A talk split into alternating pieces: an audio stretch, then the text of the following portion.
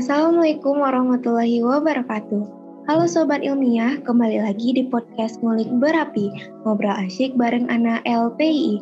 Bersama saya, Nafifa yang akan menjadi host pada podcast kali ini.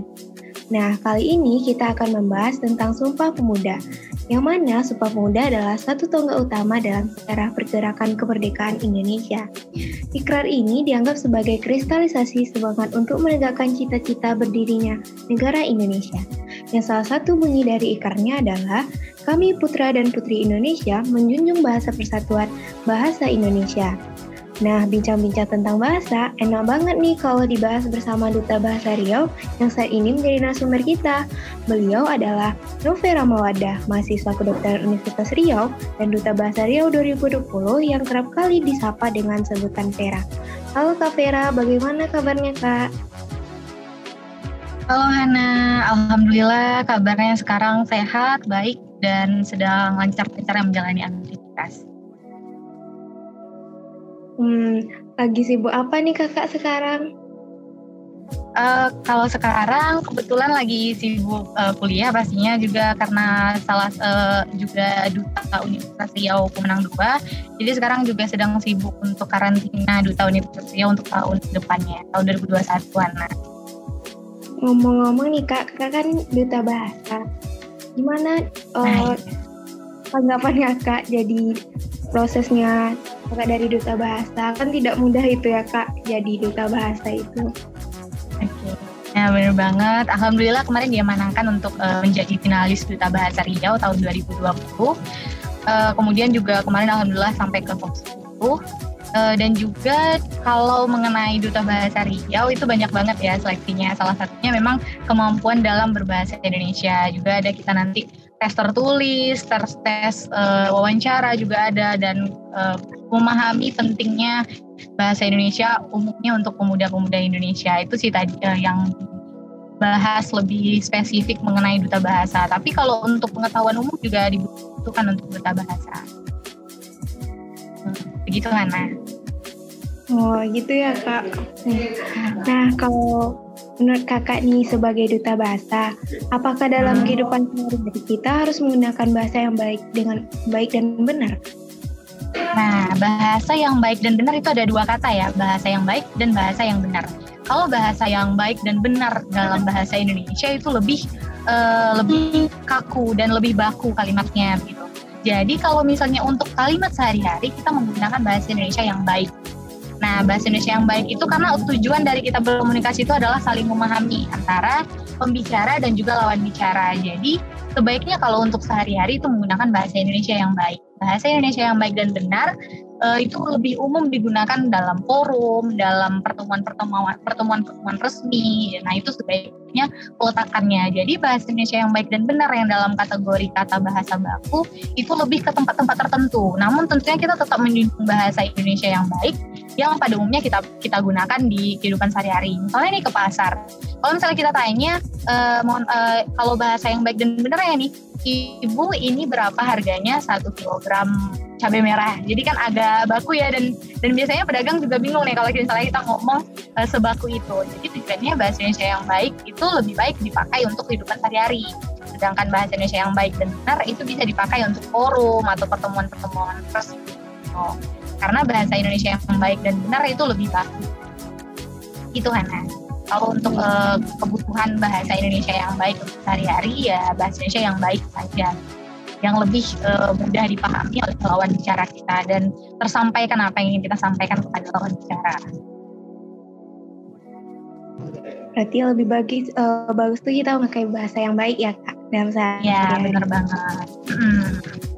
Kalau ketika kakak menggunakan bahasa Indonesia yang benar saat berkomunikasi, apakah kakak pernah merasakan aneh atau bahkan lucu? Nah, begini, kebetulan uh, saya mahasiswa Fakultas Kedokteran.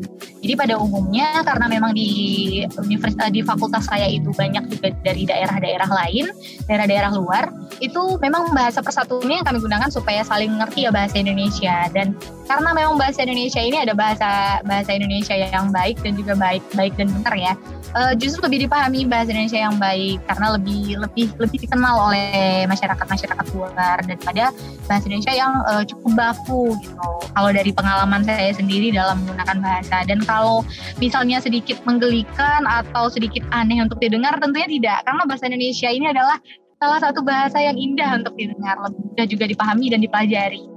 Begitu Hana. Karena itu adalah kepemilikan kita, itu adalah bahasa persatuan dan e, persatuan kita di Indonesia dan kita pada umumnya sebagai pemuda kita lah yang seharusnya menjadi ujung tombak untuk menjaga bahasa Indonesia, me mengenalkan bahasa Indonesia dan terutama untuk mengenalkan, menjaga, mencintai kita harus menggunakan dong menggunakan bahasa Indonesia karena uh, bukan sekedar kalimat saja gitu kita orang Indonesia, kita pemuda Indonesia yang harus menggunakan bahasa Indonesia.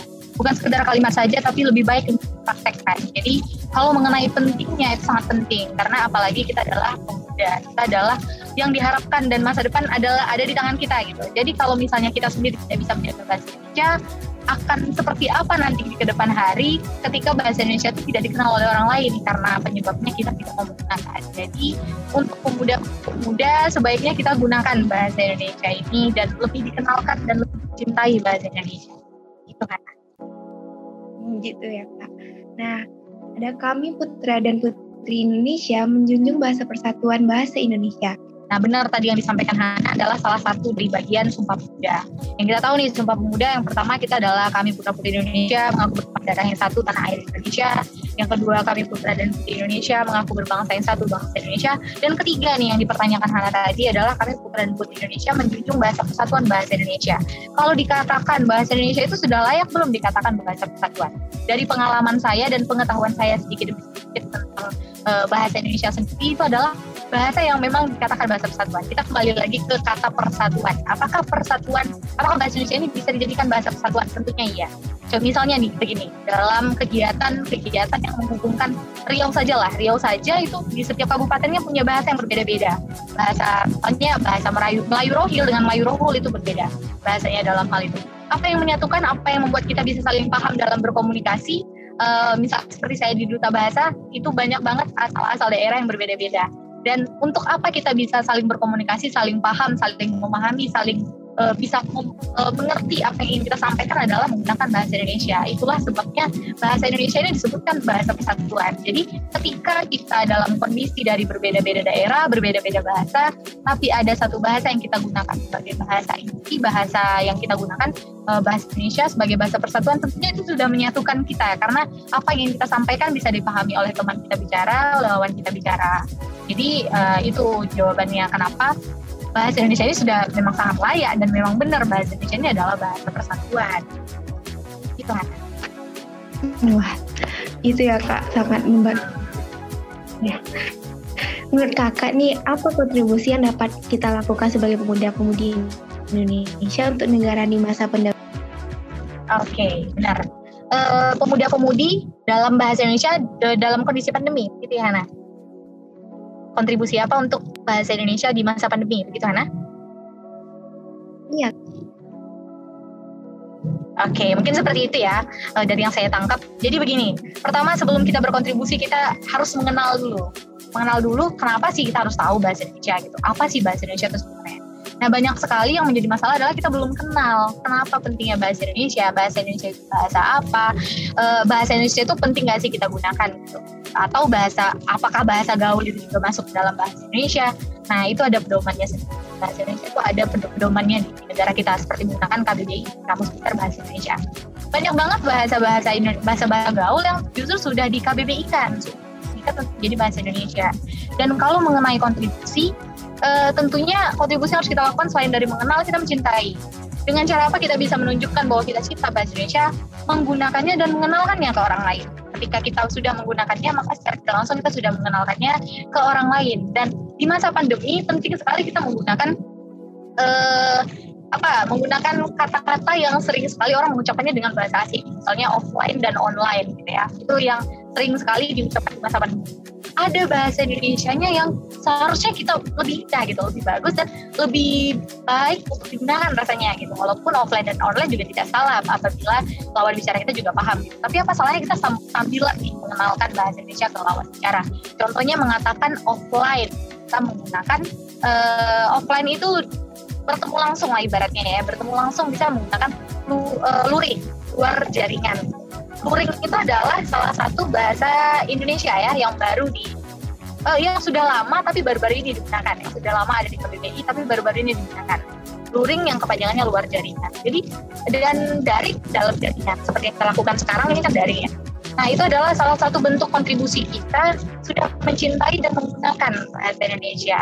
Jadi sebenarnya untuk mencintai menggunakan itu tidak perlu terlalu muluk-muluk programnya atau apa pun. Yang itu kita mau mencintai, kita menggunakan cara simpel pun sudah bisa membuktikan bahwa kita cinta bahasa Indonesia dan mau menggunakan bahasa Indonesia sebagai pemuda.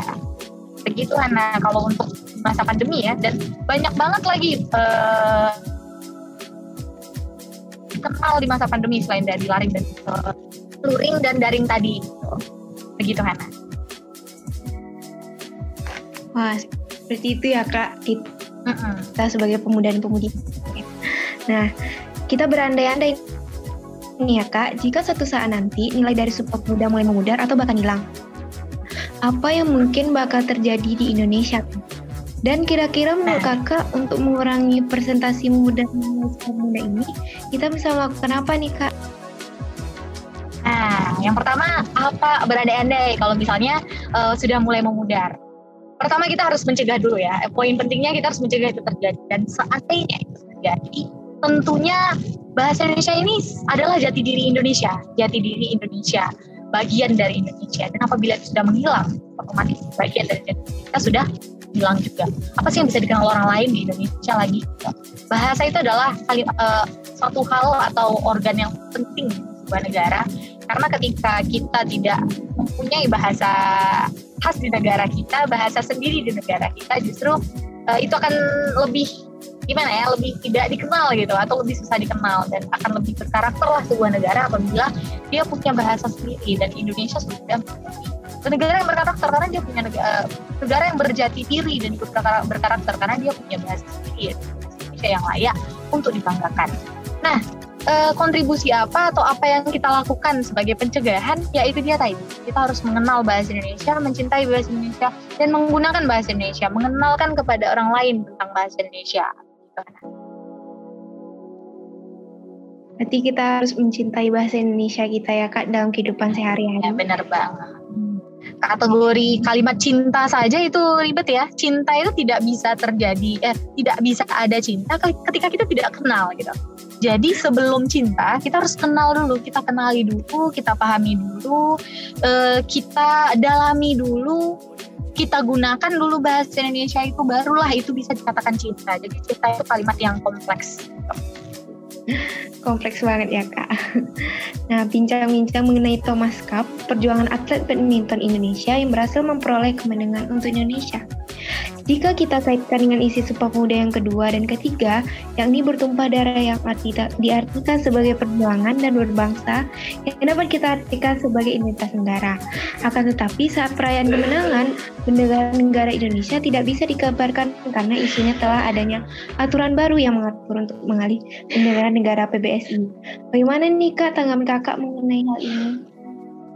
Oke, terima kasih Ana. Jadi uh, Vera sejujurnya baru baru belum terlalu mendalami masalah ini, tapi berdasarkan beberapa hal yang Vera baca dan juga bertanya ke teman-teman ini uh, bukan menjadi aturan baru ya setahu Vera. Jadi adalah uh, ada mis adanya terjadi miscommunication, ada miskomunikasi yang terjadi uh, entah masalah itu administrasi yang berhubungan dengan itu. Jadi uh, bukan sanksi sih, tapi diminta untuk Indonesia tidak uh, tidak apa tidak uh, tidak mengibarkan benderanya ketika dalam kemenangan tadi.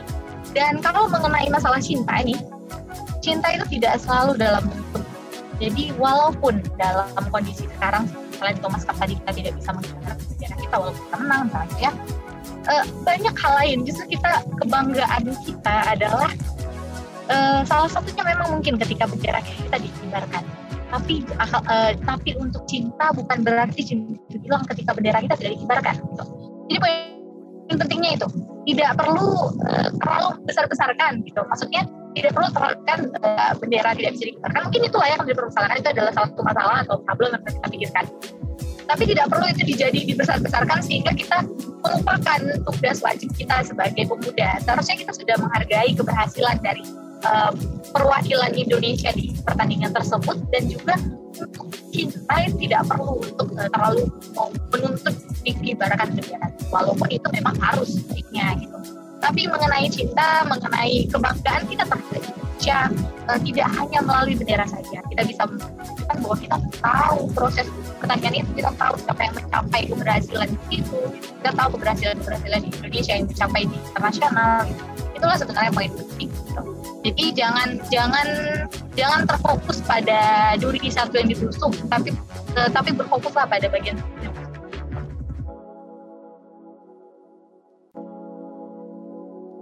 Oke, dan juga kita penting ya karena eh, penting sekali bahwa Indonesia sudah menjalankan segala prosedur dengan sportif dan tidak eh, tidak ada panas-panasan gitu. Nah itu luar biasa sebagai negara yang ramai masyarakatnya tapi bisa bersifat, bersifat sportif dalam sebuah pertandingan itu luar biasa suatu suatu hal yang sangat diapresiasi. Gitu.